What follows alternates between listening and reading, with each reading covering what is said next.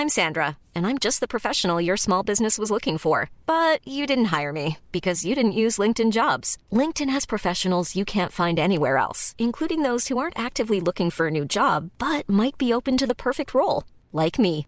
In a given month, over 70% of LinkedIn users don't visit other leading job sites. So if you're not looking on LinkedIn, you'll miss out on great candidates like Sandra. Start hiring professionals like a professional. Post your free job on linkedin.com/people today.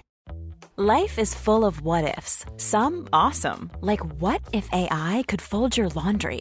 And some, well, less awesome, like what if you have unexpected medical costs? United Healthcare can help get you covered with Health Protector Guard fixed indemnity insurance plans. They supplement your primary plan to help you manage out of pocket costs. No deductibles, no enrollment periods, and especially no more what ifs. Visit uh1.com to find the Health Protector Guard plan for you. Hey, it's Ryan Reynolds, and I'm here with Keith, co star of my upcoming film, If, only in theaters, May 17th. Do you want to tell people the big news? All right, I'll do. Sign up now and you'll get unlimited for $15 a month in six months of Paramount Plus Essential Plan on us. Mintmobile.com slash switch. Upfront payment of $45 equivalent to $15 per month. Unlimited over 40 gigabytes per month. Face lower speeds. Videos at 480p. Active Mint customers by 531.24 get six months of Paramount Plus Essential Plan. Auto renews after six months. Offer ends May 31st, 2024. Separate Paramount Plus registration required. Terms and conditions apply if rated PG. Vi är denna vecka sponsrade av Indie Beauty. Och Sofie, det här tycker jag är extra fint och extra roligt. Ja men Indie Beauty är ju ett skönhetsvarumärke som jag tror att väldigt många känner till, men det jag älskar mest det är att Indie Beauty liksom vill vara mer än bara produkter, vilket de ju också är. Exakt, Indie Beauty står ju för Independent Beauty, skönhet på dina villkor och för din egen skull. Och Indie Beauty tror ju stenhårt på ett alternativt skönhetsideal fritt från måsten, skam och känslor av otillräcklighet. Där är jag helt med Indie Beauty. Jag med. Det är så jag vill att skönhet ska vara. Ja men verkligen. Och vet du vad som är nytt för i år Sofie? Berätta. Från och med i år så skänker Indie Beauty 1% av sin försäljning till Suicide Zero, Tjejzonen och Djurens Rätt. Så när man handlar produkter från Indie Beauty så kan man liksom känna att man också ger tillbaka till samhället. Ja, kraften i tillsammans. Ska jag säga en sak nu då, som Mm. jag, det, men det är detta jag är extra glad över. Nu har Indie Beauty tagit fram en keps och den tycker jag ändå så på sommaren, skydda sig från solen, Jättebra, jag älskar kepsen. men det bästa, de bidrar till Suicide Zeros viktiga arbete för att minska antalet självmord och självmordsförsök. Så för varje såld keps så går hela vinsten, 100 kronor, direkt till Suicide Zero. Då kan man liksom göra nytta både för samhället och sin hud på en och samma gång. Ja, och kepsen kostar 169 men alltså hela vinsten går då som sagt till Suicide Zero. Så om man vill göra skillnad när man är där ute i solen, nu när den börjar titta fram, då ska man välja den här kepsen. Den säljs exklusivt på indiebeauty.se och på Apotea. Tillsammans kan vi skapa en ljusare framtid. Vi ses med kepsarna på! Tack Indie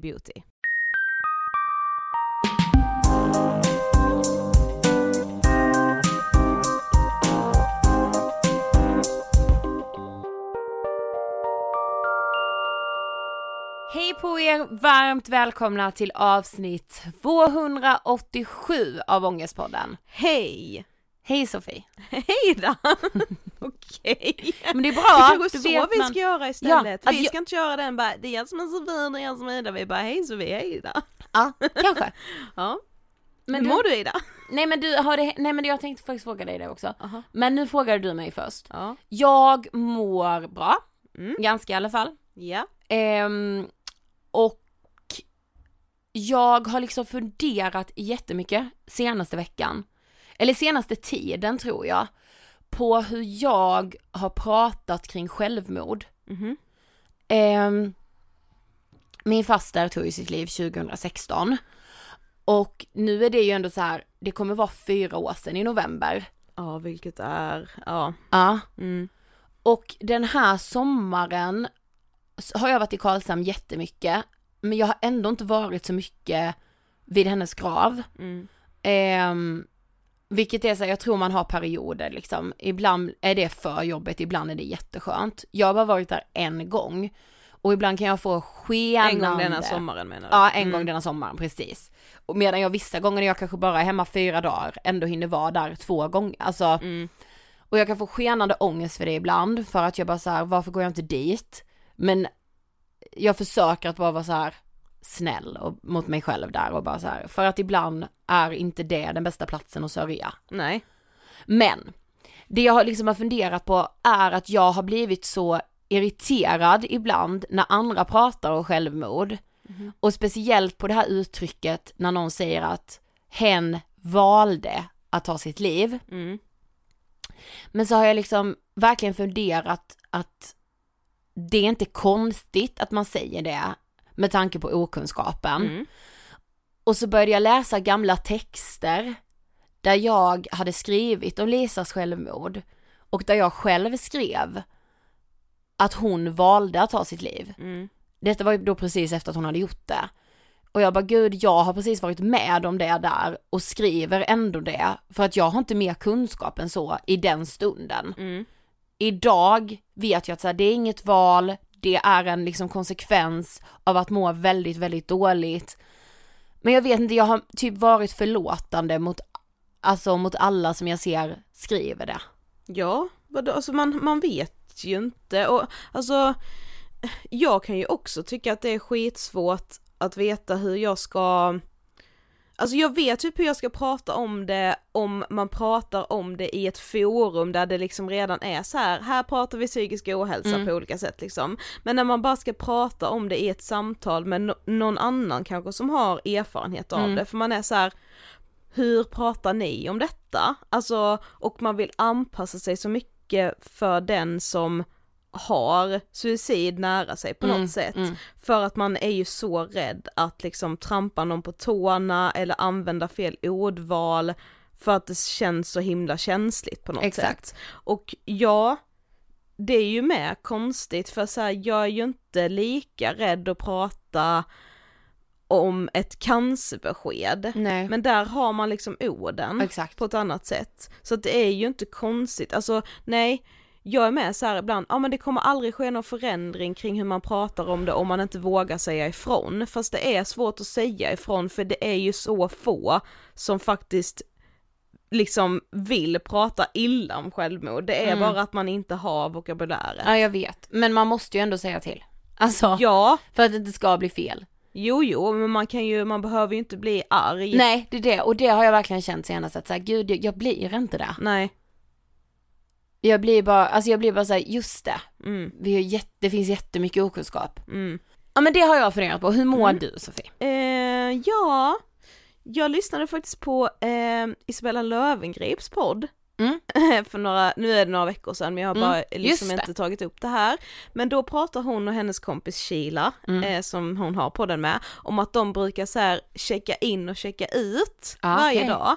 Där de typ uppdaterar varandra då om var man är på en skala mellan 1 till 10 i mående liksom. Oj, ja. Och då kan det också vara så här att på morgonen när man vaknar är det liksom verkligen en etta, Ja. men på kvällen kan det ju faktiskt vara en åtta, Mm. för liksom så. Eh, och jag bara, jag gillade typ det, Mm. och att så här, de var väldigt så här, nej men oftast ligger jag på en trea, Ja. en fyra, liksom Ja. lite som vårt två plus Liv, som vi har ja. börjat prata om. Ehm, och också tänkt mycket på uttrycket som vi tog upp i förra veckans avsnitt när vi lyssnade på vårt första avsnitt, Ja. så sa vi det här med att man inte är riktigt i form. Ja, Och bara så här, fy fan vad jag gillar det, för att vet. det blir så jävla mycket lättare att bara liksom Ja men jag har typ blivit lite förvånad själv över att så här, jag har varit väldigt öppen nu med alla jag har träffat, mina vänner och så här, bara nej men jag har mått ganska dåligt senaste tiden liksom, men jag bara säger det som att så här, det blir liksom ingen grej Mm. Nej, av det och det är asskönt, bara så här, nu har jag haft en pissig period så, alltså det är inget mer med det, man har det ibland Ja. liksom. Eh, så ska man inte gå med det allt för länge och, och hela den grejen, då ska man söka hjälp men eh, ja men bara jag känner liksom att ja men jag mår ju lite bättre också. Alltså vissa dagar mår jag verkligen mycket bättre. Ja. Ehm, och eh, ja, och sen är det just nu mår jag ju skitbra liksom för nu har vi ju kompisar på besök i Karlshamn Ja, liksom, men så nu är jag skittaggad på hela den här veckan. Eh, så överlag, det är okej. mm. Ja, men jag fattar. Ja. Okej, Mm. dagens avsnitt. Yes. Du vet, ibland så får man ju liksom ynnesten att lyssna på en livsberättelse Mm. som känns filmisk i det att den är liksom, att den berör så innerligt. Mm. Och så var det när vi träffade Fanny. Yes. Fanny Julia. Mm. Hon mejlade oss för väldigt länge sedan. Ja. Och då skrev hon om att hon inte hade mått så bra. Hon skrev om att hon hade jobbat på strippklubb. Och att hon hade sålt sex. Jag vet inte om hon skrev det till oss i och för sig första gången Sofie. Nej jag kommer inte ihåg nu första mejlet men liksom summa summarum så är det ju det vi ska prata om idag. Ja. Och det är så, jag tycker det är så fint när man liksom får Alltså du vet liksom när hela den här Paolo Roberto härvan uppdagades och när vi liksom gästades av Talita och så här, Ja. eh, vilket jag också älskade såklart. Eh, det är liksom på något sätt så känner man ibland när man ändå pratar om prostitution, att man sitter och pratar om personer som aldrig själva får komma till tals riktigt. Så det är så fint att helt plötsligt sitta och lyssna på en person som har varit med om alla de här sakerna Mm. och bara så vi sitter här nu face to face, Och prata, ja. ja, och bara liksom, ja men Nej, för men- mig blir det liksom styrka personifierat. ja verkligen. Alltså att, att Fanny liksom vill dela den här berättelsen för hon har ju inte gjort det så mycket innan, Nej. eller nästan ingenting alls. Mm. Eh, och att hon vill göra det i ångest på det, alltså Sofie förstår du? Det är så ärofyllt. Verkligen. Så vi rullar intervjun med Fanny Julia. Varsågoda! Hej Fanny Julia och varmt välkommen till Ångestpodden! Tack så jättemycket. Så kul att ha dig här. Ja, det är kul att vara här. Men vi har ju liksom haft mycket kontakt på Instagram och då är det så fint att få träffas. Man Ja. bara, nu ses vi! Ja, verkligen. Få ett verkligen. fysiskt ansikte liksom. Ja men exakt. Men du ska få berätta, vem är du? Eh, Jag heter Fanny Julia och jag är eh, musiker och eh, ja, låtdebutant i vintras. Eh, sen så är jag mamma, sambo och jag är här för att jag är för detta strippa och prostituerad. Så nu, ja, idag så är det som jag gör nu egentligen att jag skriver massa musik som jag hoppas att jag kommer klistra ihop till någonting någon gång framöver och sen så skriver jag på en bok på det här ämnet faktiskt nu. Så bra och viktigt. Ja. Mm. Men vad tänker du på när du hör ordet ångest? Eh, när jag har ångest så tänker jag, alltså jag tänker nog på, på ångest som någonting som man alltid har men måste lära sig att eh, balansera liksom på något sätt. Och eh, en liksom, en släng av ångest är också mitt, eh, där jag känner mig trygg liksom egentligen när jag har lite ångest. För att jag är van vid att ha ganska mycket ångest och har alltid haft det. Ehm, ja men ångest, jag vet inte, jag tycker att det är både en liksom, alltså en, att det finns jättemycket kraft i det liksom. Men att det också kan, om, så fort det slår över, bli eh, ja, någonting som förhindrar en att leva överhuvudtaget liksom. Men du sa ju det, men idag ska vi prata om att jobba på strippklubb och att sälja sex. Alltså först måste jag bara säga, vi är så glada att du är här och det är så jävla starkt att, de, att du delar din berättelse. Eh, men vi tänkte så här, vi måste ta allting från början och du skrev ju liksom din liksom livsberättelse till oss.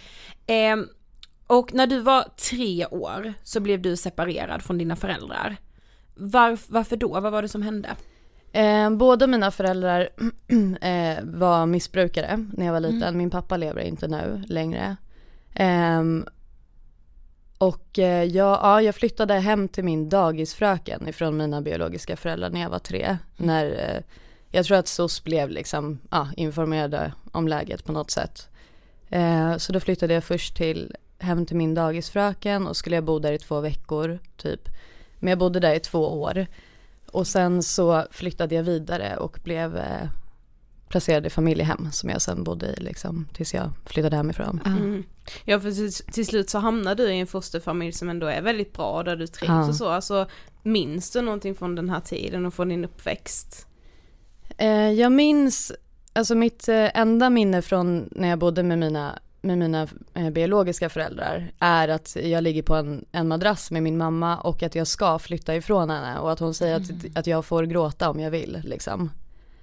Och sen så minns jag ja, lite från hemifrån min dagisfröken liksom. Eh, också alltså bra minnen, verkligen supermysigt liksom allting och sådär. Eh, men sen så minns jag också att, att hon säger till mig, du får gråta när jag ska flytta till min fosterfamilj. Eh, men från min fosterfamilj, alltså från när jag flyttade dit, då skulle jag precis fylla fem. Och eh, det är bara, alltså mina barndomsminnen från min fosterfamilj är guld liksom. Det är verkligen idyll och värme och kärlek och trygghet och rutiner och, och det minns jag alltså my- mycket ifrån liksom, verkligen. Så att mina barndomsminnen är egentligen bra överlag, verkligen. Även om jag förstår att, det kan, alltså att jag såklart fick sår av det som hände, så minns jag det som en lycklig barndom liksom. Så. Det tycker jag är så bra att man också, för ibland så blir liksom bilden av att placeras i fosterfamilj blir ju ganska entydig, för alltså medialt så är det ofta så åh det var dåligt och man blev illa behandlad. Jag Eller tycker typ att man får hoppa runt mycket, att det är stökigt Mm. liksom. det är så skönt att höra att, så här, att du minns din barndom i liksom fosterfamilj som jättebra. Det är så härligt liksom. Men hade du någon kontakt, alltså under din uppväxt med dina biologiska föräldrar? Eh, ja, alltså jag minns att min pappa hälsade på mig i början när jag hade flyttat till fosterfamiljen. Att han liksom kom förbi, jag minns att jag var, så här, cyklade ute på våran vändplan och att han var med och jag minns liksom jag minns att jag i flera år efteråt mindes hans doft och att jag tänkte att jag inte ville glömma den. Och, och har liksom minnen att han skickar eh, vykort från Australien med eh, kängurur och så här. Men min mamma hade jag, jag tror att hon skämdes så fruktansvärt mycket och höll sig på avstånd liksom. Eh, så hon, henne hade jag ingen kontakt med. Jag har dock fått berättat för mig efteråt att hon brukade liksom stå och titta utanför huset där jag bodde bara för att se mig liksom. Men det visste ju inte jag, så för mig var det som att hon var borta i typ, ja nio år. Innan jag träffade henne igen hemma hos min mormor som jag brukade vara hos på helgerna. Men när du var ungefär 12 så dog din biologiska pappa. Ja. Hur påverkade det dig? Eh, alltså, jag, eh, det påverkade mig såklart, men jag tror att jag på något sätt var väldigt så här medveten om, alltså jag, jag ville liksom hantera det rätt på något sätt. Så jag kommer inte riktigt ihåg hur jag kände, utan jag kommer ihåg att jag tänkte att det här inte ska bli en jobbig grej för människor i min omgivning typ. Det, min pappa körde ihjäl sig på motorcykel. Precis efter att han hade klarat av eh, 12-stegsprogrammet på behandlingshem. Och vi hade liksom fått en relation igen. Ehm, och då kom det hem två poliser. Eller jag blev hämtad i skolan först och sen så kom det två poliser hem till min fosterfamilj. Och så vi, jag vet att vi satt och pratade i köket med dem. Eh, eller att de, de pratade och berättade saker och jag, jag antar att de var jätte, alltså jag minns dem som liksom pedagogiska och varma och sånt där. Men jag kommer inte ihåg någonting om vad de sa men när de skulle gå så hade jag skrivit en dikt som sen blev min pappas begravningsannons, eller dödsannons. Så att jag vet att jag liksom hela, alltså jag ville vara liksom produktiv i saker. Alltså om det hände då är jag såhär, ja men jo men han har dött, men jag har en, men det här är också, det här är bra. Jag alltså, löser detta. Ja precis, jag har allt, alltid liksom haft väldigt svårt att det finns, alltså att inte försöka presentera en lösning när jag vet att det finns ett problem. För att jag har alltid haft så enormt svårt för en dålig eller mörk stämning liksom. Så jag minns knappt riktigt hur, hur jag kände eh, över att han dog, utan jag minns mer att jag liksom tänkte så här, ja men han, hantera det här rätt nu och var liksom, ja, var, var inte till besvär och, och det var, och det måste jag också säga, det har ingenting, den, den här totala avsaknaden av självkänsla som jag har haft eh, under st- stora delar av mitt liv, det har ingenting med min fosterfamilj att göra eller så. Det har inte ens med någon specifik person eller händelse att göra heller, utan jag tror att jag gick sönder mycket mer än vad man såg när jag var liten. Så att jag fick inte eh, bli lagad liksom eh, i, i, alltså, ja, tillräckligt tidigt. Mm. Så att jag hann liksom nöta ner mig själv också innan Ah. folk förstod att ja, det kanske hade tagit mer på mig än vad man fattade, liksom min barndom. Mm.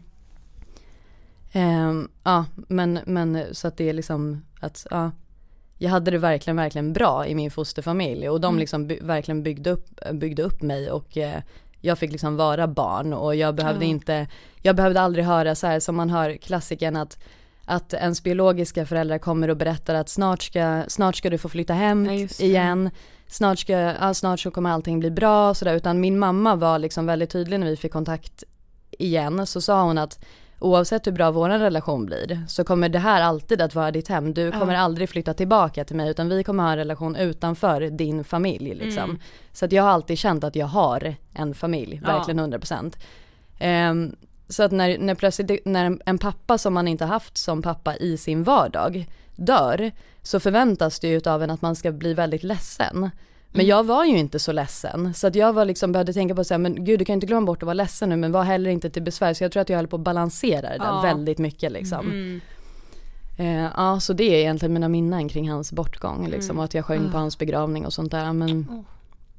ja. Men i samma veva så blir du utsatt för ett sexuellt övergrepp eh, av din kompis pappa. Mm.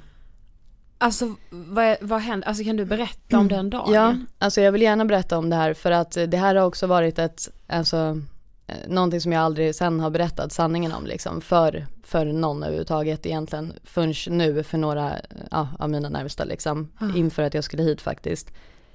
Ehm, ja, eh, jag eh, hade en kompis när jag var liten eh, som bodde på samma gård som jag. Och hon eh, Eh, Jag sov över hos, hos henne en natt, eh, hemma hos hennes familj och eh, då så skulle jag få låna hennes storebrors rum. Ehm, och storebror skulle sova inne hos henne liksom. Ehm, jag vet inte riktigt varför, jag kommer inte ihåg, det är liksom, alltså jag minns inte detaljerna men men i alla fall så vaknade jag på natten av att hennes pappa satt på eh, sängkanten och tog på mig liksom. Eh, och, då sa, och så sa han till mig att, att jag höll på att bli kvinna och att jag förtjänar liksom att en riktig man är den första som rör mig och så. Eh, och sen så nästa dag så, ja, så, så gick jag hem, det hände liksom, ja det var det som hände. Det var, och han sa också till mig att om du berättar det här för någon, Eh, det är ju ingen som kommer tro, tro på dig eftersom att du har en sån bakgrund som du har och det är vanligt att sådana som du liksom hittar på saker eller behöver uppmärksamhet och så. Däremot så kanske du kommer förstöra våran familj. Så det är liksom, det är bara en dålig idé. Mm. Och, eh, och, och jag åt frukost där nästa morgon och då, då kom jag ihåg att jag tänkte så här, han måste ha glömt bort det för att han beter sig som att det aldrig har hänt. Så liksom eh, kall kunde han vara då. Och jag vågade absolut inte berätta det här, men jag kommer ihåg att jag höll på verkligen att eh, alltså gå sönder liksom av att, av att hålla det. Alltså jag, jag, jag minns inte, alltså jag var inte ledsen, inte arg, jag tror att jag var typ rädd och att det kändes som att jag skulle på riktigt liksom gå sönder inuti. Mm. Eh, så till slut så kom jag på då, typ en dag senare, att jag skulle säga att det hade varit någonting helt annat som hade hänt. Och då sa jag till min eh, stora syster som är fem år äldre än jag, som jag har stått super, super nära, eh, alltså i min fosterfamilj då. Då sa jag till henne att jag hade varit på en, en fest eh, i skogen, en, här- ja men typ en skogsfest och att jag trodde att jag kanske hade blivit våldtagen. Att, jag hade so- att jag hade druckit vin och att jag hade somnat. Och då blev det ju världens polispådrag. Eh, och de kunde ju sen konstatera att den här festen kan inte ha ägt rum för att jag, menar, de har väl gjort en så här teknisk undersökning och bara här har det inte ens varit några människor liksom. Eh, och gynekologen konstaterade att jag var liksom oskadad, alltså så att och sen kom, det, sen kom polisen hem till oss efter några dagar och frågade om jag bara skulle kunna erkänna att det inte var sant.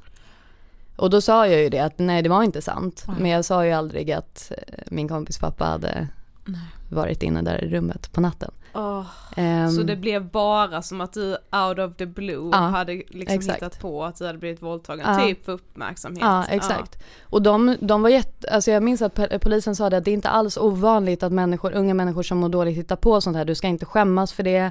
Eh, man kan behöva tröst men inte kunna förklara varför och då kan man hitta på såna här saker. Och då var det ju liksom, ja då svarade jag väl typ, ja ja liksom. Men då blev du ändå den som mår dåligt, trots att ingen typ hade frågat dig hur mår du egentligen? Alltså ja, du Nej, mådde ju dåligt över det du hade varit med om. Exakt. Och sen så stod det ju så på löpsedlarna, eh, jag våldtogs av killgäng i versaler liksom på Aftonbladet eh, dagen efter och så här. och då hade ju folk i min klass alltså läst det här och så hade väl någon hört någonting av någon förälder och så spred det sig till min klass så att när jag kom tillbaka till skolan några dagar senare så så vet jag att en tjej i min klass som sa så här, alltså varför ljuger man ens om en sån sak, det är ju bara äckligt liksom. Och sen så var det en kille som sa så här, men du kanske vi- ville att det skulle vara så, så här. Du kanske hade tyckt att det, ja men det var liksom så här, ja, som, som man var i den åldern. Men det var ju bara så, alltså stenhårt att höra liksom när det faktiskt fanns ett övergrepp i, Ja, precis. ja. Men, men när du pratade med poliserna, var det så att du ville berätta men inte vågade? Nej, alltså jag ville inte berätta. Eller jag, det kanske var så att jag absolut inte vågade så pass mycket att jag faktiskt bara kände att jag inte ville. Eh, men jag kommer ihåg att jag, jag kände att så här, jag, behöver, jag behöver hjälp. Jag var livrädd för den här personen. Eh, så att det kändes som att jag på något sätt ville liksom att någonting skulle upp till ytan så att folk såg mig på något sätt. Eh, men jag ville aldrig någonsin säga ett ord om honom. Jag sa det heller aldrig någonsin till någon liksom. Eh, tills för typ tre veckor sedan när när jag berättade det för, för min sambo liksom. Mm. Eh, hur det var egentligen. Men sökte du någon hjälp liksom efter det här? Pratade du med någon kurator eller? Ja, jag fick hjälp eftersom att de trodde att jag hade ljugit. Ja, så fick det, jag ja. ju hjälp. Just ja, ja, du var men ju då, liksom en precis. unge som jag. Ja exakt, så Ja. då frågade ju kuratorn på skolan liksom varför känner du att du behöver ljuga och jag fick väl gå till BUP någon gång och där var det också att jag hade problem med att jag ljög liksom och sådär och sen till slut så, så var ju jag alltså en, så här, alltså en lögnhals och så här uppmärksamhetskrävande jobbig människa. Så att jag tänkte att ja men då kan jag väl ljuga då också Mm. liksom. Så då började, kommer jag ihåg att jag började använda det som en strategi ganska mycket. Att till exempel om jag hade varit och träffat mina bio, biologiska föräldrar hos min mormor den helgen eller någonting. Ehm, och kände mig liksom bara ledsen över det men inte kunde förklara den känslan. Då kunde jag säga så här, ja men det är en i min släkt som har dött, typ, till dem i klassen. Och så kunde jag få ett litet, åh stackars dig. För att jag kunde liksom aldrig förklara varför jag hade så jävla ont i själen hela tiden och Nej. behövde liksom bli tröstad men jag visste verkligen inte varför det, varför det gjorde så ont. Mm. Eh, så att när jag väl då blev liksom stämplad lögnare, då Mm. kommer jag ihåg att jag tänkte, då drog jag ju till med, med lögner, alltså titt som tätt liksom, Mm. små lögner. Mm. Och då har väl det också, då kan jag ju förstå att folk sen tänkte, men hon ljuger hon ganska mycket så att hon har säkert ljugit om det också. Mm. Men det var liksom där på något sätt som jag vet, alltså efter det här, det första övergreppet där, som jag, där gick liksom det så här rena och sanna i mig på något sätt sönder för ett tag. Där kommer jag ihåg att jag var liksom inte trovärdig och, och så. Och då, då pajade ju det min självkänsla totalt. Fullt Liksom. Mm. Ja. Och sen några år senare så började du ta droger. Mm. Hur kom det sig? Alltså att du kom in liksom på det? Ehm, jag tror att jag har också lite svårt att minnas ibland liksom första gången. Jag vet att jag träffade genom en person i min biologiska familj så träffade jag en kille som jag var ihop med lite sporadiskt liksom där. Eh, och han, han föreslog att jag skulle ta lugnande, alltså benzo för att bara, ja för att jag var liksom ganska, ehm, jag hade ganska, jag tror att jag hade någon form av panikångest liksom, men som liksom kunde vara över en hel dag, snarare att jag var liksom hysterisk och manisk typ. Och det började med att han, att han bara i, alltså av god vilja typ sa det, du kanske skulle behöva någonting lugnande, eh, att jag skulle prata med en läkare typ. Eh, och så provade jag, fick jag en sån här, en tablett av honom och kände liksom att ja men det här var ju verkligen eh, eh, ja, ett helt annat sätt att må liksom, att man kunde känna sig lugn och, och obrydd liksom. Ehm, men och så tog jag väl dem några gånger, alltså lite sporadiskt och sådär, alltså provade att så här röka hasch någon gång och sådär. Men sen så gick det några år, alltså tills jag, tills jag fyllde 18 eh, och kunde söka vård själv och kom på att jag då kunde manipulera ut eh, ångesttabletter liksom. Ehm, så att det var egentligen då när jag, när jag redan, jag var redan myndig liksom, när jag eh, verkligen började missbruka på riktigt. Ja för när du var 19 sen så hade du utvecklat ett alltså tungt tablet, tablettmissbruk. Vad skulle du säga att du var i livet då? Hade du liksom flyttat ifrån din fosterfamilj och vad gjorde du? Ja, liksom? alltså jag har alltid haft så, här, så extremt grov separationsångest att jag har typ den killen jag var ihop med eller den kompisen jag hängde med hade jättesvårt att åka hem ifrån Mm. människor. Jag kunde liksom inte åka hem plus att jag har haft jobbigt att åka kommunalt och det förstod jag efteråt att det var en grej som liksom tog emot som jag inte riktigt fattade att, att det var ett problem i sig.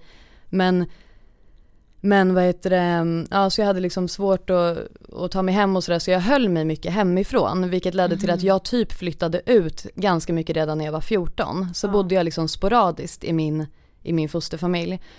Eh, och sen så när jag, sen gick jag ut gymnasiet och sen så jobbade jag i typ ett halvår på café.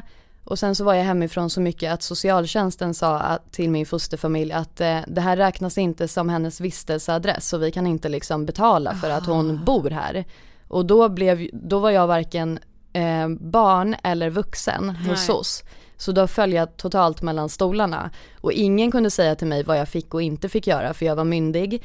Ehm, så jag hade varken eh, liksom, ja men alltså en förälder som sa till eller alltså ingenting liksom utan jag hamnade verkligen helt bara utanför allt. Ehm, och så träffade jag genom en tjejkompis så träffade jag en kille eh, som jag flyttade in hos ganska snabbt för att jag förlor, jag fick en lägenhet till slut av SOS i den här, i hela den här vevan där när jag var ja, nästan, nästan 19, alltså mellan 18 och 19. Men det var bara det att det blev ett missförstånd för att jag trodde att jag behövde vara ren. Men jag behövde vara inte ren för att ha, fyll, alltså uppfylla kriterierna för att ha det här stödboendet som jag fick. Så att jag lämnade in ett rent eh, urinprov och då blev jag av med min lägenhet. För då kan du ju klara dig Exakt. själv. Liksom. Och då fick Ja. jag flytta in hos min kille som missbrukade och umgicks med folk som missbrukade och hade människor omkring sig som, någon jobbade som strippa, någon var, alltså, och då var jag ju Mm. bara, det var ju liksom bara, alltså rakt in i den världen Ja. väldigt, väldigt snabbt. Åh. Och ingen som kan säga att jag måste komma hem eller eller även när, när man blir myndig så kan ju föräldrar säga ja men vi har ju sagt att vi ska betala ditt körkort om du, alltså ingenting sånt fanns utan Nej. det var bara, jag kunde liksom göra precis, precis vad jag ville egentligen. Ja, och ingen morot för någonting. exakt. Liksom. Mm. Nej för ändå då så får du frågan om att själv börja strippa. Mm. Eh, för att kunna betala räkningar och liksom också tabletter då. Alltså vad, vad kände du då när du får den frågan? Eh, ja men jag ska, jag ska säga så här för att jag, jag vet hur jag skrev till er eh, i mejlet men det, det började egentligen så här att jag hittade att man kunde tjäna pengar på en webcam-sida först. Ehm, och det här har jag fräschat upp minnet nu när jag skriver boken har jag liksom fått gå Ja. tillbaka lite och kolla gamla konversationer och sånt där. Jag, det började med att jag hittade den här webcam-sidan och trodde att man skulle kunna tjäna en del pengar på den. Ehm, och ehm, så, ja men det gjorde jag ju inte liksom. Jag märkte ju när jag fick, jag var så taggad på att få de här 10 000 som jag hade suttit där och åmat ihop under den här månaden. Och webcam för de som inte vet, alltså vad är, vad innebär det? Ja, så då sålde jag liksom, alltså i stort sett så här, man säljer mestadels onani-shower på internet. Och så sitter det någon och runkar på andra sidan. Ehm, och vad heter det, eh, jag, jag vet att jag hade tjänat ihop 10 000 tokens som de här pengarna hette på sidan. Okej. Ja. Och det blev typ så här 2 000 kronor sen när det kom på mitt konto. Ja, ja, okej. Ja, Mm. så, för då var det ju liksom, det var ju för det första inte samma eh, valuta Valuta. som vi använder. Nej. Och sen så drog de ju av, jag vet inte, administrativa skatt, typ, bla, bla, alltså Ja. allting försvann ju liksom. Så att det var ju bara, de här sidan, alltså det är ju som en hallick liksom. Mm. Precis. Ehm, ja, och, eh, och det här, jag upptäckte då det här med de här, alltså hur lite pengar det egentligen genererade, det upptäckte jag bara några dagar innan, innan jag fick frågan, om jag skulle inte kunna tänka dig att jobba på strippklubb då? Ah. Så att jag hade liksom redan tagit ett steg in i att klä av sig för pengar, alltså det, var, det var liksom redan gjort. Mm. Men var det svårt att göra det, alltså när du hittade den här sidan då där man kan sälja de här showerna liksom, alltså ta det steget, var det liksom svårt eller var du liksom i ett desperat läge där så att du bara, men jag måste? Ja, nej, alltså jag var, jag har eller var det bara varit, så normaliserat där i Ja. ditt umgänge? Nej, alltså det här var liksom först hemligt, för först när jag, alltså den här relationen som jag var i, Mm. då var det liksom att vi hängde ganska mycket med hans killkompisar och för dem så ville ju vi ju inte berätta att jag fick Ja. in pengar på det sättet. Så att vi, det var liksom lite så här, ja men han, han ringde i god tid innan de kom hem så att jag liksom kunde klä på mig och stänga datorn, alltså sådär. Mm. Ehm, jag vet att det var inte särskilt, jag har alltid under min liksom uppväxt så var jag väldigt så här. Jag älskade på riktigt att ha så här korta kjolar, Mm. jättemycket smink, smycken, lösningar. Jag tyckte på riktigt att det var liksom svinhärligt och jag vet att att människor säkert såg det på ett annat sätt då, men jag kommer ihåg att jag redan då sa för typ 15 år sedan så här, vadå det är min kropp, jag tycker att den är skitsnygg, jag får visa upp den om jag vill. Och att föräldrar i klassen typ så här, du får tänka lite på killarna när du sitter med den där urringningen, det blir att de inte kan koncentrera sig på lektionen. Och jag var så här, men fuck dem liksom, det var verkligen så här, koncentrera er då. Ja, och jag är också uppvuxen i en familj med jättemycket döttrar som är superstarka och det är liksom så här, ja men riktigt så här matriarkat och bara, jag var så här, men stackars dem, det är väl deras problem, titta åt andra hållet. Det var inte, alltså, men jag tror att folk tänkte så här, nej men stackars lilla tjej liksom, hon känner att hon, men så var det inte liksom. Eh, däremot så får man ju ta en del skit om man är en, en sån person och särskilt då när vi inte hade kommit exakt någonstans på den fronten. Ja. Så att, ehm, så att jag var redan van vid att eh, folk såg min kropp liksom. Så jag sprang runt typ naken på vårt landställe tills jag var så här 13 och badade näck utan problem inför mig. Alltså jag har alltid varit liksom så. Det är liksom, jag var väldigt så, eh, hade inga problem liksom med det. Eh, började webcam och sådär. Nu så kan jag ju typ inte visa mig naken för mig själv ens i spegeln längre. Men jag hade absolut noll problem med det innan min relation till den grejen blev så förstörd liksom. Så att det var inte, det var inte jobbigt. Jag tänkte bara så här, nu kommer jag bli rik på att sitta här framför kameran. Det var snarare så jobbigt att få rätt ljus och så här, att lära sig fatta sidan och sånt där. Ehm, men nej, det steget var verkligen inte alls svårt. Eh, och därför heller inte strippgrejen i sig. Där var jag också bara egentligen nervös. Det kändes inte jobbigt att jag skulle liksom klä av mig. Eh, och sen om man har varit utsatt för övergrepp också, så när man, det blir ju lite så här självskadebeteende och så känner man att men då kan jag också få betalt för att klä av mig. Eller för att någon utnyttjar eller tittar på mig eller så. Eh, så jag var väl bara så här, om jag, om jag kan få pengar för det så då är det väl bara bra. Liksom. Men under vilka omständigheter då skulle du liksom jobba som strippa? Var det på en klubb eller liksom, alltså hur blev du introducerad i den branschen?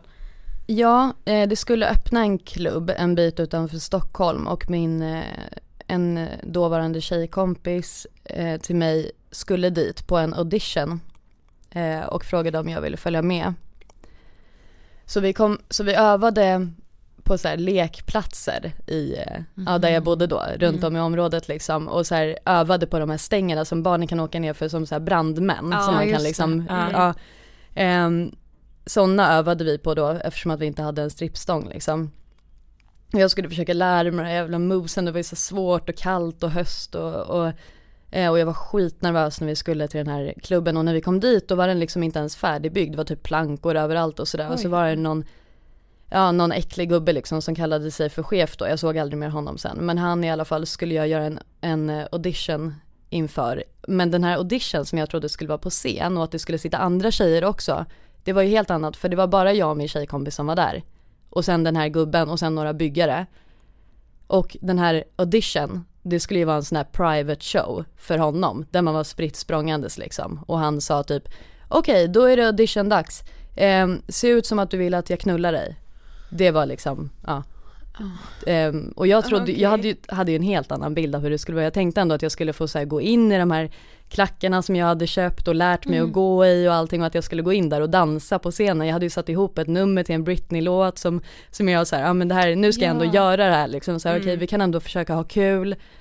Ehm, och så var det ju bara så jävla vidrigt den här audition så att jag kommer ihåg att när vi, när vi åkte därifrån då tog jag liksom alltså dubbel, trippeldos benzo typ efter att inte ha ätit benzo på ett tag försökte hålla mig ifrån det för att jag skulle styra upp saker och ting, få det här jobbet, inte vara liksom eh, drogpåverkad när jag, när jag jobbade där, alltså så. Men då tänkte jag ju bara, ska vi, ska vi stå ut med det här, då måste jag ju vara bara fullproppad med piller hela tiden. Ja. Så att redan när vi åkte därifrån, då tryckte jag mig typ så full med, med tabletter som jag sen höll mig under hela eh, tiden på strippklubben liksom. Och då jobbade vi där från Alltså man började väl jobba vid åtta på kvällen kanske och så åkte vi väl hem vid typ fem, sex på morgonen. Ja.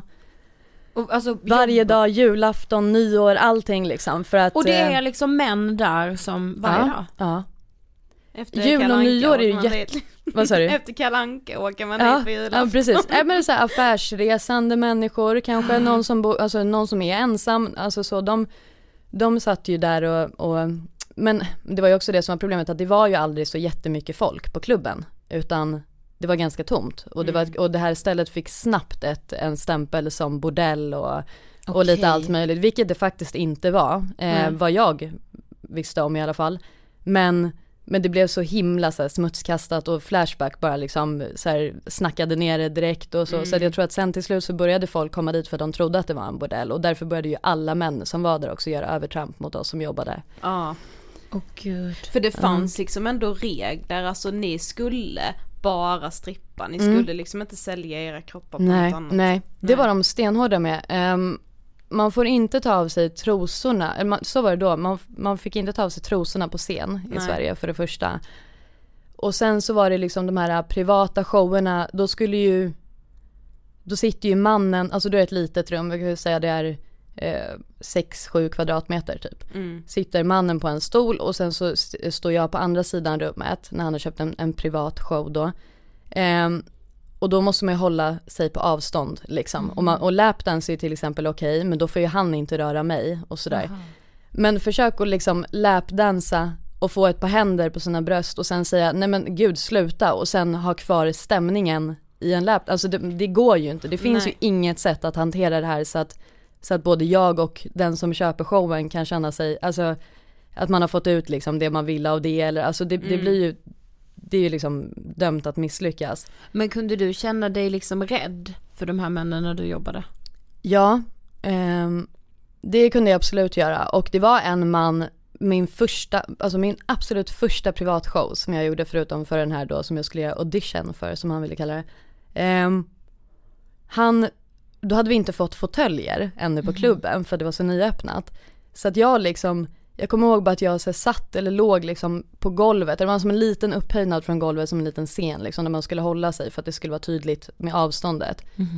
Eh, och han liksom satt och runkade på andra sidan rummet och så plötsligt så bara rullar, för det var så här rullstolar tills fåtöljerna skulle komma så hade de bara satt in såna här som kontorstolar. Så han bara rullar fram och sprutar liksom över min mage. Och jag så här, alltså bara smäller upp dörren och så springer ut och så är det en, en av männen som jobbar där som bara, men ja shit vad är det som har hänt? Liksom, han, var, han var verkligen alltså en jättefin person som jag sen alltså, fick hjälp med på jättemånga sätt. Så det han liksom fångar upp mig där, bara, vad är det som har hänt för något? Jag bara, han sprutade mig och var liksom helt så här upplösningstillstånd och så jävla ledsen och så här skrek och grät och gjorde världens scen av det här liksom. Ehm, och sen kommer det ut någon så här som skulle föreställa ja, någon, någon form av så här chef på plats liksom. Som, eh, ja men jag ska prata med honom och så går de, följer de med honom ut liksom. Han, för han sticker ju, han har ju betalat för sig redan och liksom taggar därifrån. Och så kommer han upp den här eh, halvchefen, vad han nu var för någon. Och bara, ja jag krävde honom på, på 600 spänn, du får 300 som plåster på såren.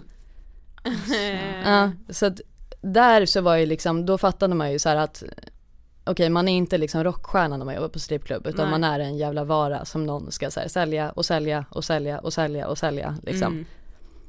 Eh, så att efter, ja så att jag blev liksom rädd för dem direkt, alltså för männen. Eh, och kände också, jag var skiträdd när, jag skulle, när vi skulle gå hem, att vi skulle bli liksom förföljda. Ehm, så vi fick ju typ åka taxi för, hem för det vi tjänade de flesta dagarna. Så vi hade ju inga pengar när vi kom hem ändå. Eh, och och eh, alltså den killen som jag var tillsammans med då var ju så här, ja du ska stå och strippa inför andra människor liksom. Och så kommer du ändå hem och har inga pengar för att åka taxi eller knarkat upp pengarna. Så här, vad, vad fan är meningen? Då får du ju jobba så att du, så att du drar in mer pengar nu när du har dragit in oss i den här cirkusen liksom och hit och dit. Så det var ju alltid Ja, alltså jag, jag liksom nedmonterades ju väldigt snabbt liksom Ja. från alla håll. Fy fan. Nej men jag bara tänker mig, alltså den jävla kvinnosynen som de här männen Alltså den är ju obefintlig, alltså den är ju så liksom, alltså den är så jävla vidrig. Alltså att ta sig den friheten och tycka så åh nu ska jag runka och sen ska liksom, alltså jag, jag blir så arg att jag Mm. Hiring for your small business? If you're not looking for professionals on LinkedIn, you're looking in the wrong place. That's like looking for your car keys in a fish tank. LinkedIn helps you hire professionals you can't find anywhere else, even those who aren't actively searching for a new job but might be open to the perfect role. In a given month, over 70% of LinkedIn users don't even visit other leading job sites. So start looking in the right place. With LinkedIn, you can hire professionals like a professional. Post your free job on linkedin.com/people slash people today. Here's a cool fact a crocodile can't stick out its tongue. Another cool fact you can get short term health insurance for a month or just under a year in some states. United Healthcare short term insurance plans are designed for people who are between jobs, coming off their parents' plan, or turning a side hustle into a full time gig. Underwritten by Golden Rule Insurance Company, they offer flexible, budget friendly coverage with access to a nationwide network of doctors and hospitals. Get more cool facts about United Healthcare short term plans at uh1.com. Hey, it's Ryan Reynolds, and I'm here with Keith, co star of my upcoming film, If, only in theaters, May 17th. Do you want to tell people the big news? All right, I'll do it. Sign up now and you'll get unlimited for $15 a month in six months of Paramount Plus Essential Plan on us. Mintmobile.com slash switch. Upfront payment of $45 equivalent to $15 per month. Unlimited over 40 gigabytes per month. Face lower speeds. Videos at 480p. Active Mint customers by 531.24 get six months of Paramount Plus Essential Plan. Auto renews after six months. Offer ends May 31st, 2024. Separate Paramount Plus registration required. Terms and conditions apply if rated PG. liksom inte, Mm. fy fan. Men, gud man blir bara så uppe i Mm. det liksom. Eh, men som du var inne på nu så började du sen för att tjäna mer pengar även jobba utanför klubben. Mm. Ni strippade hemma på privata fester och liksom svensexor till exempel. Alltså Mm. hur gick det, alltså hur gick det till? Det är mer så här, det kan jag känna är typ normaliserat. Mm. Att så åh men det ska komma en strippa till svensexan, det är väl ingen som tänker på hur, hur den tjejen mår. Ja eller, eller kill, ja verkligen. Alltså hur var det att helt plötsligt liksom befinna sig i hemmiljö? Alltså hade du någon som styrde det då? Vem du, att du skulle hem till någon, att du skulle till en svensexa till Nej exempel? alltså det var jag och min tjejkompis då. Jag ska, ska tillägga det att min tjejkompis som jag pratar om här, hon lever inte längre. Så att jag, s- liksom, det, det är inte, ja. Eh, Och jag har tyvärr haft flera tjejkompisar som inte lever. Så att det är ingen som behöver heller liksom börja rota i exakt vilka människor jag pratar om när jag pratar i den här podden liksom om saker. Ehm, men det var vi själva som, som fixade det. Det fanns en sida på den tiden som hette Ados eller något sånt där. Okej. Där man kunde sälja allt från båtar till eh, trädgårdsredskap eh, till sin kropp. Liksom. Okej. Det fanns då en flik som hette sexuella tjänster eller erotiska tjänster eller något sånt där. Då la vi ut annonser, så här, ja men ja, träffa, träffa två läckra strippor eh, ja, för dig eller di- dig och ditt killgäng typ till svensexan eller eh, firmafesten eller ja sådär. Ehm, Har ni varit på firmafester? Ja, eh, det har ju faktiskt varit. Eh, ja, på firmafest. Och då var det så här, då ska de också försköna det lite och säga så vi skulle vilja ha lite burlesk-tema. Det är alltid en förklaring, burlesk. Då är det plötsligt inte porr längre Nej. liksom, bara för att Oj, man ja. har någonting ja, svart och spetsaktigt på sig typ. Ja. Och, och någon så här pinne i handen eller något, då är det, då är det burlesk och inte porr längre. Alltså det, det är en snygg omskrivning ändå. Men då, för att jag kommer ihåg att det var ju så sjukt mycket jobbigare att strippa hemma hos någon i ett, i ett rum där folk liksom bara sitter, det blir så stel stämning också. Så man kommer dit och jag är ändå så här, ja ah, hej hej och tjena tjena liksom. Och sen helt plötsligt ska man då gå in i den här rollen som eh, totalt objekt liksom. Ehm, och eh, nej, det var, det var mycket obehagligare att strippa i- inför många människor hemma än vad det var att vara på en scen liksom. Ehm, och sen så är det också så att det finns ju inga, inga tydliga avtal eller gränser för vad som får hända när man är hemma hos någon. Och om någon då har betalat oss typ alltså 6 000 kronor för att vara där i en halvtimme och så är det någon som vill ta lite på ens bröst. Då är det jävligt svårt att säga nej när man är två tjejer och 12 killar och de har betalat massa pengar. Ehm, och man vill ju gärna gå därifrån och att de ska tycka att det har varit trevligt så att man får ett, en bra recension eller att de liksom kan ja, men nämna det för någon annan så att man, alltså man vill ju inte att det ska bli otrevligt liksom. Nej. Alltså, så att nej det var, det var jag måste faktiskt säga att jag typ tyckte att det var mindre jobbigt att sälja sex än att strippa inför många människor hemma. För att när man, när man blir tittad på av så många människor och så ska se ut som att man tycker om det och att man har det härligt och så här, det blir en så sjukt absurd känsla mm. jämfört med att så här, okej okay, nu ska vi riva av den här akten. Vi båda är ändå liksom nakna, vi båda, alltså man, kan, man har kanske ett täcke förhoppningsvis eller bara tittar inte på personen, alltså någonting sånt. Så jag, jag tycker faktiskt att det här med att strippa på typ svensexor, det var nog det värsta delen mm. för mig alltså. Mm. Ja. Men vilka var männen som du kom i kontakt med? Eh, det var verkligen, verkligen blandat alltså. Det är så, det är verkligen alla typer av män liksom. Ehm, de, många är ju att de befann sig i Stockholm fast de bor i en annan stad. Mm. Alltså affärsresande eller att de på något sätt ja, besöker liksom staden man är i. Um, pappor, unga, unga killar, alltså jag tror att det var någon som var typ 17 kanske som ville träffas på ett hotell någonstans. Eh, han, han hade någon, eh, typ, jag kommer inte ihåg nu hur det var men jag tror att han sa att han hade, han, han hade typ ett stort födelsemärke över, som täckte ganska stor del av benet tror jag. Och så han ville inte ligga med han ville inte visa det för någon helt enkelt, men han ville ha sex då. Så att det finns ju så, alltså sådana mm. typer av, av män liksom. Eh, och, men sen så, ja det var verkligen, det var alla, alla möjliga. Jag har även varit med om en pappa som har tagit hem oss som strippor till sin, ehm, eh, jag vet inte hur men på något sätt funktionsvarierade son. Eh, som ville då att vi skulle strippa för honom och eh, ja men typ servera honom öl och så här. Eh, för att ja, han sa han kommer ju inte få ligga annars. Typ. Eh, men då, och då ville han liksom att han skulle få typ en, eh, en, en eh, lapdance och lite liksom så här, inte då att vi skulle faktiskt ligga med honom men han ville liksom att han skulle få en sexuell upplevelse och det var ju också bara, man märkte ju på, på sonen att han ville ju absolut inte det här. Nej. Så då kändes det ju mm. som att jag begick ett övergrepp på honom. Ja. Typ. Um, så att alltså, alltså alla, alla typer av män, alltså verkligen. Jag kan inte säga någon enda typ av man som jag kan komma på som jag inte tycker räknas in Nej. i de som köper sex. Nej. Och det är det som, det har vi ju sagt i varenda avsnitt där vi har tagit upp det här ämnet, mm. att det finns ingen liksom urmannen nej. som liksom Nej bara det här är sexköparen, att det går liksom inte nej, nej, nej. Eller så den som går på strippklubb alltså. Mm. Men det är så sjukt också det här med att, alltså, att köpa sex är ju liksom, det finns ändå en skam i det, man vill inte bli påkommen med det och så. Men vi pratade ju lite innan här mm. nu bara om att så här, ja men i mycket småstäder så finns det med strippklubbar, det finns ja. det i Karlshamn också.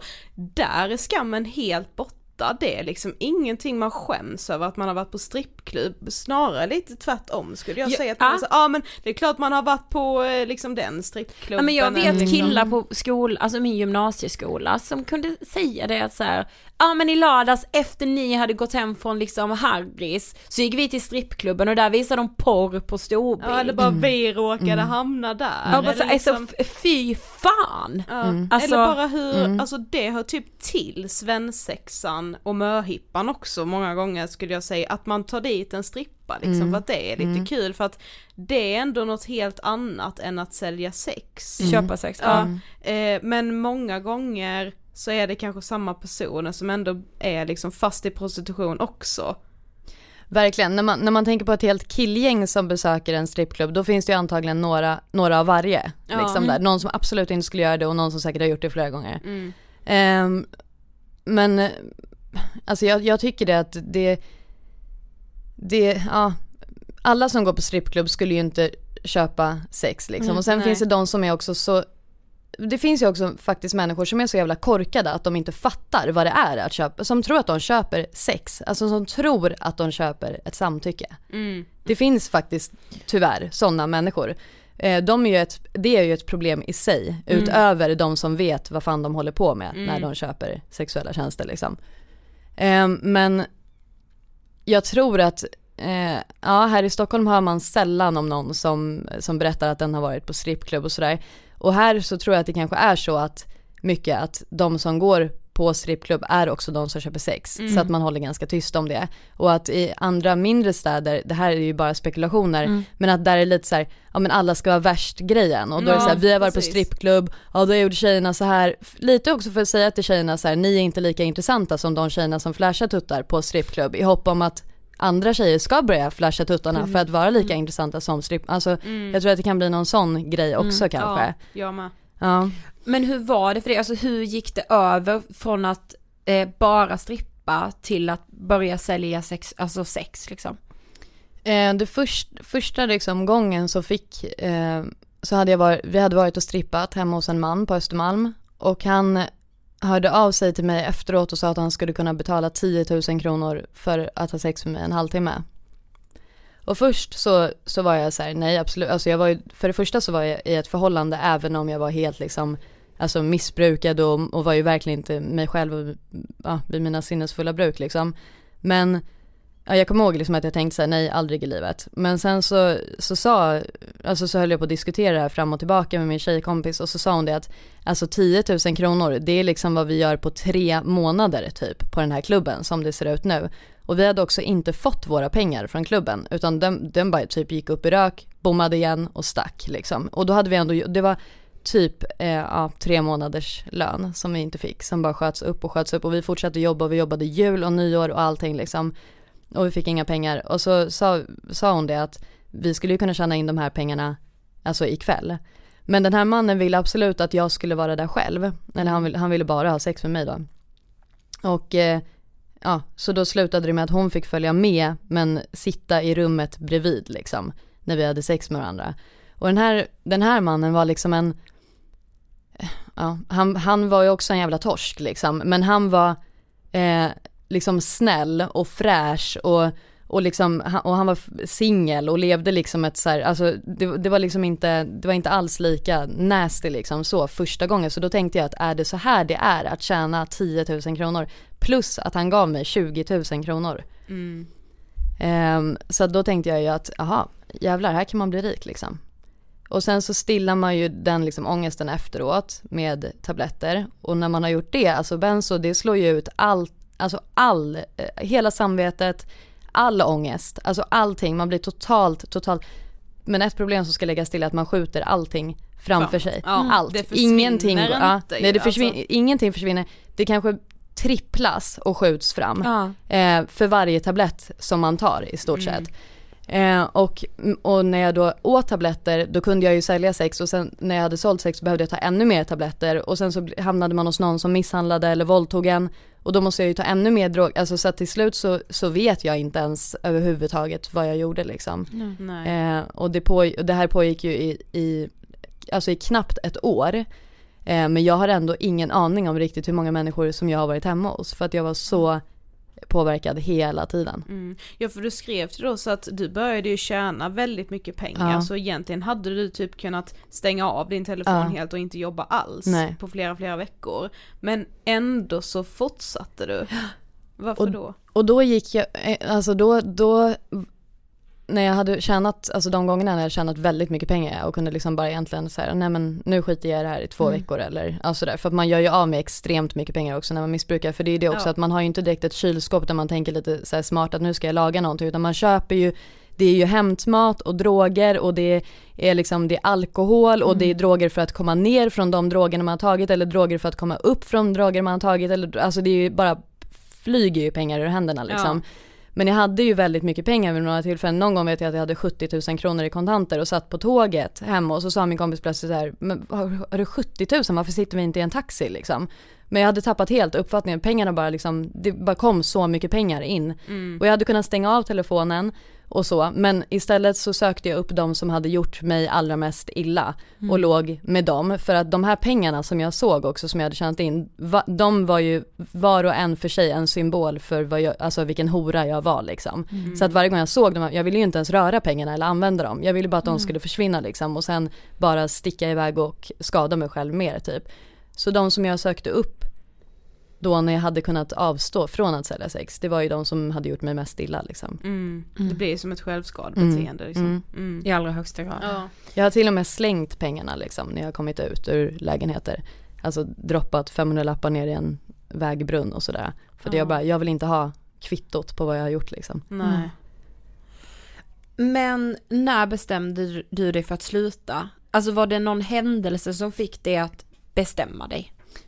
Ja, alltså det var en, en eh, sinnessjukt intensiv vinter den vintern liksom. Där jag försökte, alltså jag tog, svalde typ två kartor med tabletter i en kompis trappuppgång och försökte ta livet av mig. Och blev magpumpad på något sjukhus här i Stockholm, jag vet inte ens var jag var någonstans. Eh, och sen så bara skrek och skällde ut personalen liksom för att de hade räddat mitt liv och jag var bara så här, kan ni bara låta mig dö liksom. Jag mådde så fruktansvärt dåligt, hade liksom alltid bara så här skurit upp armarna, fimpat på mig själv, alltså var helt, allting var bara liksom, och då mitt i allt så fick jag också reda på att min eh, kille och kompis hade gått bakom ryggen på mig hela tiden och varit med varandra liksom. När jag hade varit, jag sov otroligt mycket under den här perioden. Jag tror att jag sov och sov och sov för att jag behövde sova, för att jag behövde läka Ja. i sömnen varje dygn lite för att inte dö liksom. Mm. Så jag sov jättemycket och jag kommer ihåg att många gånger när jag vaknade så var det liksom konstigt med dem och sådär. Och sen fick jag reda på att de hade liksom gått bakom min rygg på massa olika sätt. Och då, um, ja så stack jag därifrån liksom. Eh, jag var bara så här helt, helt förstörd och, och sprang därifrån och så satte jag mig på en liten pub där i närheten där jag bodde. Och så var det en, en kille som typ kom fram till mig och bara du, du ser ut att må skitdåligt, behöver du hjälp med någonting? Så här. Jag bara, jag behöver sova i en säng, alltså, och jag behöver äta och jag behöver, alltså var bara så här, jag, jag trodde typ att jag skulle dö av, att, av psyk, alltså jag, jag, det kändes som att mina organ skulle stängas av för att jag hade levt så dåligt. Jag hade ont överallt, mitt hjärta liksom krampade och det var, allting var liksom Så jag fick följa med honom hem och, ehm, och han var bara liksom, alltså som, som en ängel. Alltså han hade inga intentions med någonting, han var bara så här, tog hand om mig typ. Och jag blev ju då jättekär i honom. Eh, och sen så blev jag gravid.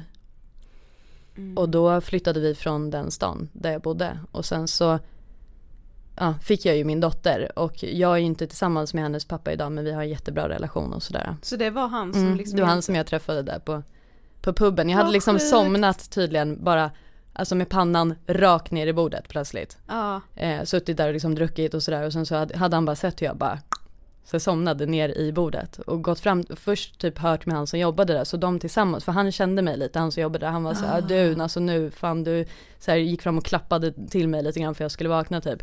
Och då hade han blivit så här, men vad, vad fan gör du för någonting liksom? För det var en jävligt shady pub det här också som jag satt på, där vi liksom hade varit in och festat när det var stängt, alltså sådär, och det var lite grejer som hände under disken och så. Så att han var ju såhär, ja vad fan du kan inte sitta här och däcka typ. Eh, men min dotters pappa då hade såhär, jag, jag tar hand om henne liksom. mm. Och så var det bara tur att han var en god människa. Liksom. Så efter, alltså när han ändå hjälpte dig där, då, efter det så du strippade aldrig igen? Eller Nej. Så, nej. Nej, det gjorde jag aldrig mer. Ehm, Men var det, jag tänker så här, var det svårt att liksom sluta? Var det någon som ville hålla dig kvar i prostitutionen eller i liksom Ja. strippklubben eller sådär? ja, alltså först när vi slut sa att vi inte ville vara kvar på den här klubben, Aha. då var det så här, men ni har signat upp för det här nu och vi står och faller med er och vi kommer, vi kommer liksom aldrig någonsin förlåta ifall ni, och de här människorna var inte jättetrevliga och väktarna var inte jättetrevliga som jobbade på den här, man märkte liksom att det var någon form av så här gäng, alltså jag vet inte riktigt hur men det var jävligt obehagligt allting. Ja. Så att om de sa så här, vi vill att ni jobbar imorgon, då jobbade vi imorgon liksom. Eh, och någon gång när jag sa så här, jag går hem nu, jag tänker inte vara kvar här, det här, det här tar sönder mig. Så var det en väktare som sparkade mig i ryggen så att jag ramlade ner för en spiraltrappa ut liksom. Och så var det så här, ja men stick då, gå då om du vill. Eh, och det var ju också då så här, då gick jag ju, Gud. eller då blev jag uppburen först, tillbaka upp. Och vaknade där och var liksom helt så här svullen och blodig och allting och, och Ah. vad heter det Han bara du kan gå om du vill liksom Men, men vi får se hur det går Så att det, ja, så att man liksom, man kom, det, ja, Man nej. har ju inget annat samtidigt. Nej, alltså, nej. Och det är de det gör är- och det vet att man de ju, att Precis, man det- inte det, har. för de ser till så att man inte har något annat. Nej, så att man blir ändå beroende. Och detta med, tänkte jag, jag, man kommer få så mycket frågor.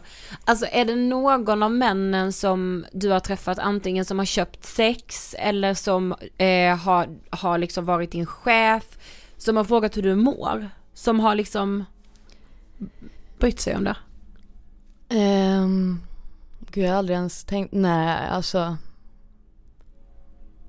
Nej, Nej det tror jag inte. Det, det, fin- det är väl en som har frågat om jag behöver någonting att, eh, alltså om jag behöver tabletter eller någonting för att klara Mhm. av att jobba genom natten. Liksom. Det är väl så nära som hur mår du som, som man kommer det är ändå ungefär. ganska långt ifrån Ja. skulle jag vilja Nej aldrig, aldrig Mm. så. Jag tror inte att de vill veta hur man mår. Jag tror inte ens att de faktiskt ens ser en som en människa överhuvudtaget. För där är också det här grova så här, horan och madonnan, liksom ja, de, precis, komplexet. de, ja de har inte, de, de ser inte, alltså för dem så var jag ju bara en hora. Mm. Alltså så. Så de behandlar ju, de behandlar ju inte, alltså oss som de behandlar någon annan människa, alltså för att, det, för att vi var inte människor för dem, utan de hanterade oss som, som en vara eller som ett föremål eftersom att jag tror att de på riktigt genuint tror att man är det Mm. liksom.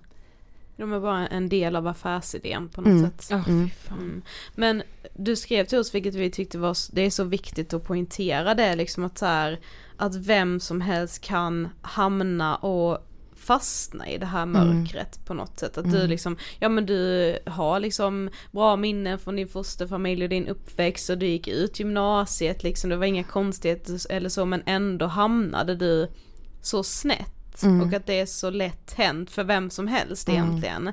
Eh, men vad, varför tror du att, att det blev så för dig? Alltså, det finns två liksom verkligen, jag tycker att jag har haft två så himla olika sidor liksom i, alltså i mig själv sedan jag var liten. Jag har haft en sida som alltid haft en enorm så här, dragning till mörker och destruktivitet och tyckte om att titta på sådana filmer och läsa sådana böcker och jag kommer ihåg att, alltså, ja, jag var liksom väldigt så fascinerad av, av allting sånt och jag tror väl kanske nu i efterhand att det var för att jag sökte vad mina föräldrar kunde tycka var så viktigt att det var värt att överge sina barn för. Att det liksom fanns någonting som jag kände att jag behöver utforska. Det finns en sida till av världen som jag inte får kontakt med i min fosterfamilj eftersom Ja. att allting var så bra. Samtidigt så hade jag liksom en stabil grund, var hel och ren, talför, omtyckt av lärare och föräldrar, alltså hela den liksom.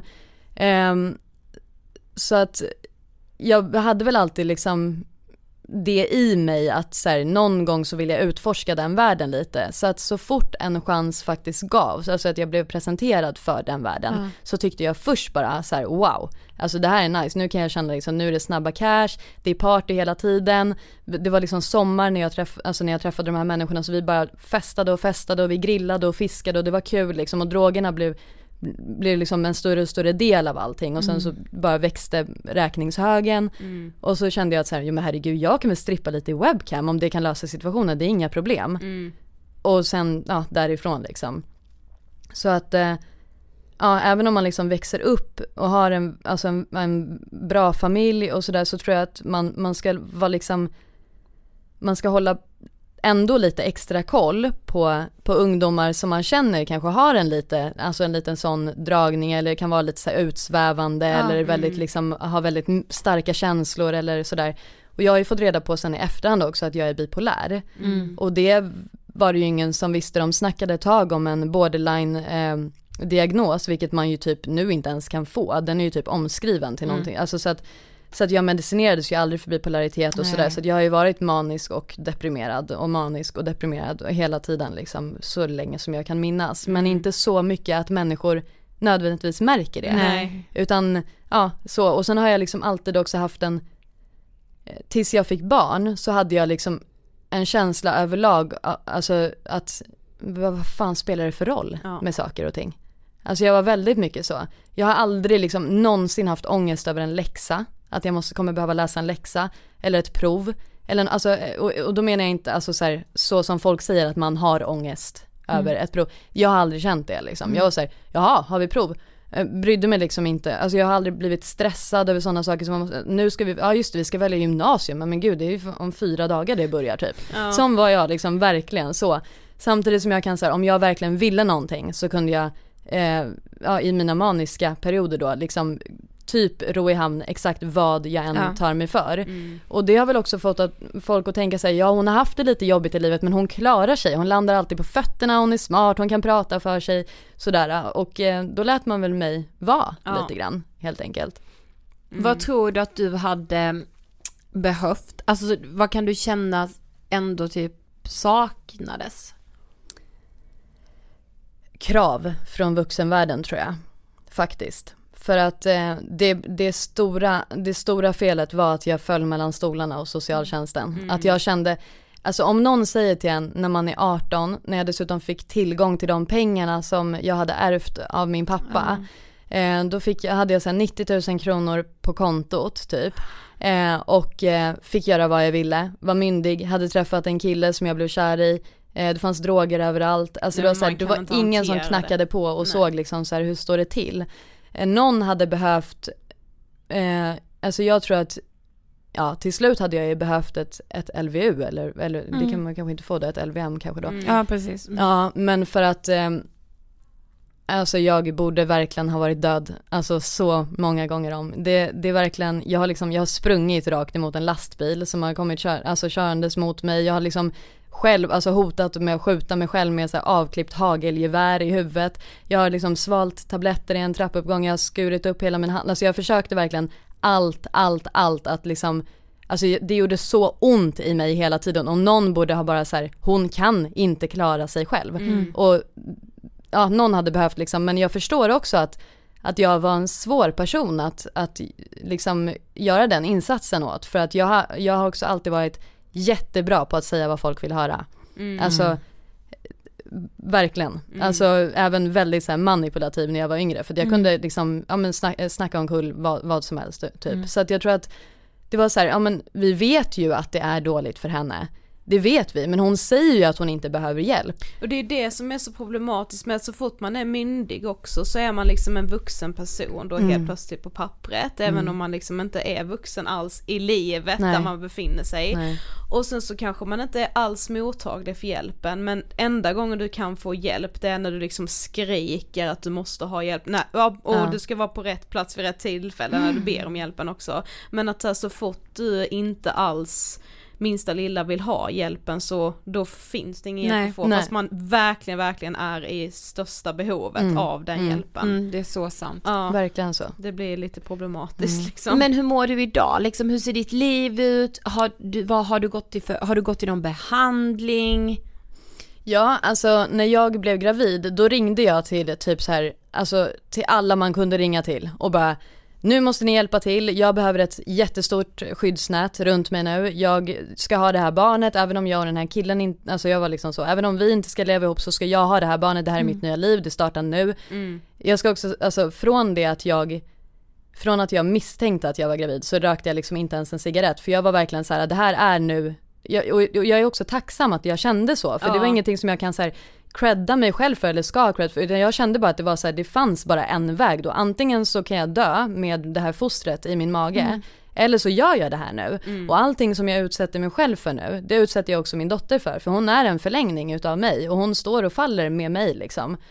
Så att um, ja, jag, jag la helt av med allt, med liksom droger och alkohol och, och cigaretter och allting. Jag vågade inte ens äta skinka liksom på, på nio månader. Men, men vad heter det, sen så bad jag att få lämna urinprov eh, varannan vecka. Alltså mm. att, att, jag tror att det var familjerätten eller något sånt där som jag kontaktade och bara, jag vill att ni skickar kallelse till, jag ska få lämna urinprov och jag eh, hörde av mig eh, till en eh, psykiater, eller ja, till någon form av ja, jag vet inte vad det var, en psykolog. Mm. Som, och sa att jag tror att jag har jättestor risk för att eventuellt få en förlossningsdepression. Eh, jag hade haft så här nästan psyk psykotiska liksom, alltså, mm. dagar också innan så att jag sökte hjälp liksom, för det. Jag gick på beroendecentrum. Jag hade liksom, jag har gått i sån här EMDR eh, mm. och jag alltså verkligen Alltså allt, allt, allt. Um, och även så här, såg till att liksom så här, knyta banden ordentligt med min fosterfamilj igen, så här, komma dit, be om ursäkt, förklara, gör, alltså att de fick be om ursäkt för vad de inte hade sett, alltså jag verkligen liksom rensade upp så att jag hade människor omkring mig för att mm. jag visste att det finns en stor risk såklart för att jag bara faller mitt i, särskilt när man är gravid och är helt svag och skör och allting. Mm. Men så att jag byggde upp det väldigt bra för mig själv direkt när jag visste att nu ska jag göra det här liksom. Och sa till barnmorskan som jag träffade på mödravårdscentralen och sådär att jag är, jag är missbrukare liksom, jag har precis slutat missbruka, jag kommer behöva att ni har stenkoll på mig, jag vill alltså ta alla alltså blodprover så att jag vet att inte jag har förstört min kropp för när barnet ska ligga, alltså mm. det var verkligen, eh, ja, jag verkligen bara la om livet helt liksom. Eh, och jag tror att det är, det är det man måste göra när man väl känner, om det bara är en minut en torsdag morgon där man känner att man skulle vilja förändra sitt liv, så bara, alltså ring alla. Ja. Alltså säg det till alla. Jag kommer säkert inte vilja det här imorgon, men jag vill verkligen nu förändra mitt liv och jag behöver hjälp med det liksom. Eh, och, och för att när man kastar sig handlöst, det var för mig som ett, det har alltid varit ett alternativ till självmord för mig. Att man bara, man säger så här, nu, nu faller jag och jag är inte kapabel att ta hand om mig själv. Så att antingen så gör ni det nu eller så är det här mitt självmord. För då kommer jag sakta dö liksom. Ehm, då är det ju folk som tar emot. Då kan samhället ta emot om man säger det att ni, ni får låsa in, ni får kräva urinprov av mig, ni får alltså så, bind upp dig på känslan, liksom Ja. surfa på det direkt och säg så här, nu, nu måste jag ta vara på det, även om det är en liten glimt bara liksom. Av att man vill någonting annat. Så Alltså man får inte tveka, alltså, in, det är då man tar upp telefonen, i den sekunden och ringer till någon. Inte om jag känner så här imorgon men så Då ringer jag jag då. nej. Exakt. Däremot om man känner, det har varit ett annat eh, knep som jag har överlevt med några gånger att om man känner att man verkligen säger nu, nu vill jag avsluta mitt liv liksom, nu orkar jag inte mer, nu är det för mycket, nu fin- alltså när det är liksom, ja men när man känner, man är inte ens ledsen, man vill bara inte leva längre liksom. Då har jag också bestämt mig, alltså bestämde mig när jag var kanske, ja 20 typ att okej om jag känner så imorgon när jag vaknar, då kan jag dö. Men inte nu liksom, jag får sova en natt till. Mm. Så att planerar man att dö, då får man skjuta fram det och datumsätta det. Men planerar man att leva, då måste man direkt ringa upp folk som tänker hjälpa en med det liksom. Mm. Och ehm, jag vet, det finns ju människor som känner att man inte har ett kontaktnät och sådär, absolut. Men nu med sociala medier och allting, jag tror att det finns nästan alltid någon man kan höra av sig till som kan peka en åt något håll Ja, åtminstone. Liksom. Mm. Eller att man kan få komma in till eh, psykakuten och liksom få, alltså att någon bara fångar Mm. det där första. Att man inte liksom tänker att, ja jag skulle vilja men ja det kommer inte gå. Om du bara vill det en liten liten minut, sätt liksom en snöboll i rullning då. Ja. Jag tror det är viktigt med att så här, det är lätt att man, och de ska verkligen lyftas, skräckhistorierna där folk har hamnat mellan stolarna eller där folk har sökt hjälp och verkligen inte fått hjälpen. Men det är ju viktigt också att bli påmind om att jo, hjälpen finns att få, man måste bara kasta ut alla trådar man kan tänka sig för då kommer någon förhoppningsvis fånga upp det och hjälpa dig. Du fick ju hjälp liksom. Så att, ja. Verkligen. Och jag hade faktiskt, alltså ett tag hade jag bränt alla broar så pass att jag ringde ru- runt liksom till mina kompisar och min familj och frågade om jag fick sova hos dem och de var så nej du kan inte komma hit, du vet det själv liksom, det, är, det går inte. Hur mycket, alltså det, det är för sent liksom. Så att jag kände ju vissa gånger att jag var, alltså när jag hade blivit typ så här våldtagen och misshandlad och satt på mitt badrumsgolv i våran så här etta som vi egentligen var vräkta ur och kände att så här, jag har ingen, inte ens min familj, inte, alltså inte en enda vän som vill släppa in mig genom dörren för att jag är bara till besvär liksom och drar ner människor. Men jag, alltså det, var gick. alltså absoluta rock bottom. Ja, men det går. Om man bara inte dör precis då så kommer det hända någonting. Man vet ju hur mycket skit som man utsätts för utan att göra någonting. Allting går åt helvete vissa dagar. Saker händer av sig själv och några av de sakerna kommer att vara bra Ja. och leda en i en ny riktning. Alltså liksom. gud vad sant det är. Ja. Men det, det är verkligen så. Det, är- man, man utsätts för så mycket liksom bra och dåligt hela tiden som man inte kan kontrollera och man får tänka att ja det är mycket som kommer vara skit liksom men några, det flyter vatten under broarna. Några gånger så kommer det vara någonting som bara, liksom att vinden bara blåser ens hår lite åt och då ser man någonting på ett lite nytt sätt och så går man lite lite dit och då är man lite närmare någonting och lite längre ifrån det man var igår. Alltså det är de här Alltså mikrostegen Ja. verkligen Ja. Som, som gör en plötsligt stor förändring sen Ja. liksom. Vi har kommit till sista frågan. Nej men vänta, Ja. alltså du är helt otrolig. Ja. Alltså jag är så tagen av dig och det är så fint att vi idag får träffa din lilla dotter. Ja, hon är liksom Och- med här. Nej men alltså du är helt fantastisk, tack för att vi fick ha dig här och bara, alltså dela den här historien, men vi ska ta sista frågan. Ja. Vad inspirerar dig? Ja, så det blir ju kanske lite klyschigt, men min dotter inspirerar ju mig väldigt mycket eftersom att hon är också den första biologiska eh, så här, likheten Ja. med, med mig själv. Jag kan se liksom mig själv i henne, alltså mig själv som liten i henne och tänka att men jag skulle ju kunna förlåta vad som helst eller göra vad som helst för den där lilla flickan eller så här, vad hon än gör i livet eller tar sig an eller begår för misstag så har jag en gång också bara varit en liten flicka som hon. Så det har kunnat göra, alltså det har kunnat jag har kunnat förlåta mig själv för mycket Mm. av att vara med henne liksom. Och hon inspirerar mig med sitt, med sin liksom ärlighet och, och rakhet och eh, också att eh, alltså över, överlag liksom, jag tycker att barn inspirerar i att de, de säger vad de behöver. Ja. Och, och, så, och det är inspirerande liksom, för det var någonting som jag hel, alltså, har tänkt hela mitt liv att det, det ska man inte göra, alltså det, då är man till besvär. Så skönt med människor som säger vad de behöver, så man slipper undra. Jag tänker det kan inte alla vara, bara säga det liksom, så jag är törstig, eller jag behöver en kram nu, eller Ja, jag men behöver Jag känner så här just nu. Ja, Ja, exakt. och då Lyssna. behöver jag det här, kan du lyssna på mig? Ja. Så sant. Ja. Mm. Så hon, hon inspirerar mig verkligen alltså. Mm. Fint. Du inspirerar mig Ja, så ofantligt. Tack så Ja, jättemycket tack för att du ville gästa Ångestpodden. Tack. Ja, tack för att jag fick komma. Och för allt ni gör, verkligen alltså. Yes. Nej men det här är varför jag gör ångest på det. Ja men verkligen. Alltså de här berättelserna.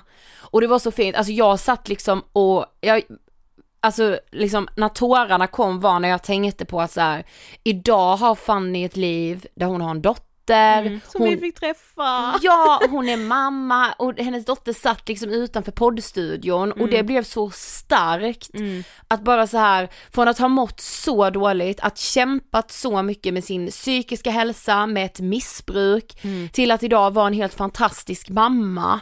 Alltså det går att komma ur det, det går att få ett nytt liv. Det Exakt. är inte omöjligt, jag fattar att det känns som det och att bakslagen är många men det går.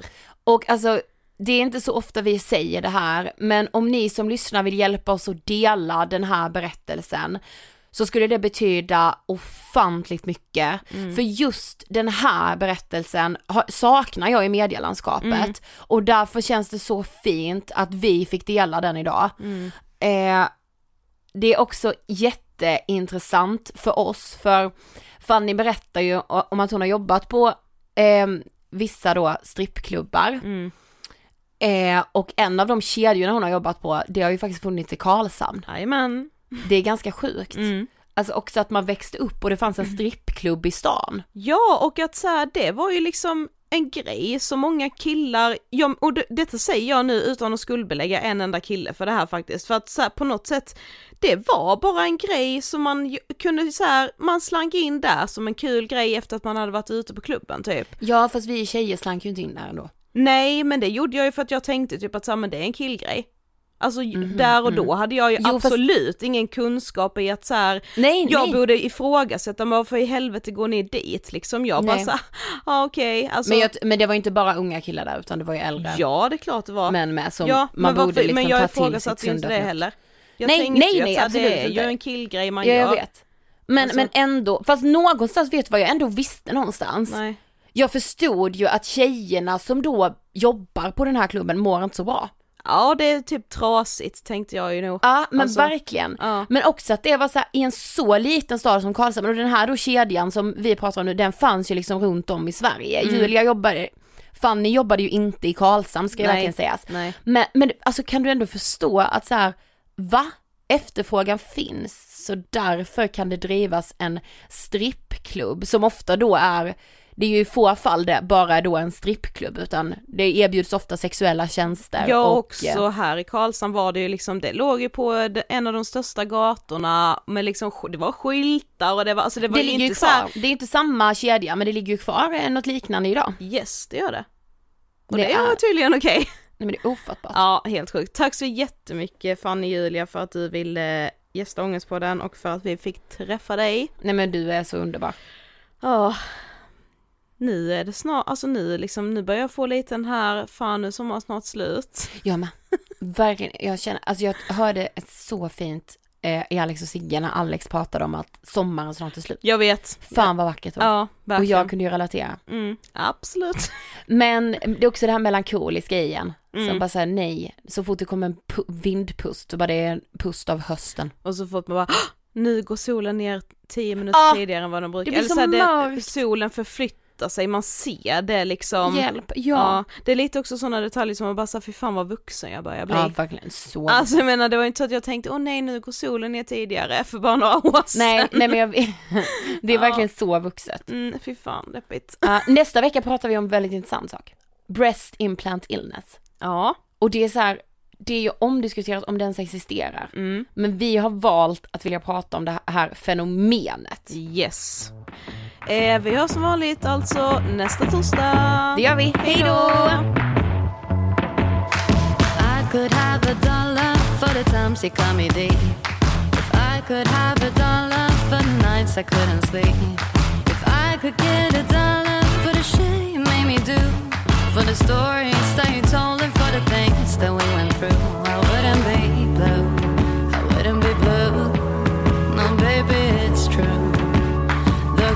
Is to get rich without you.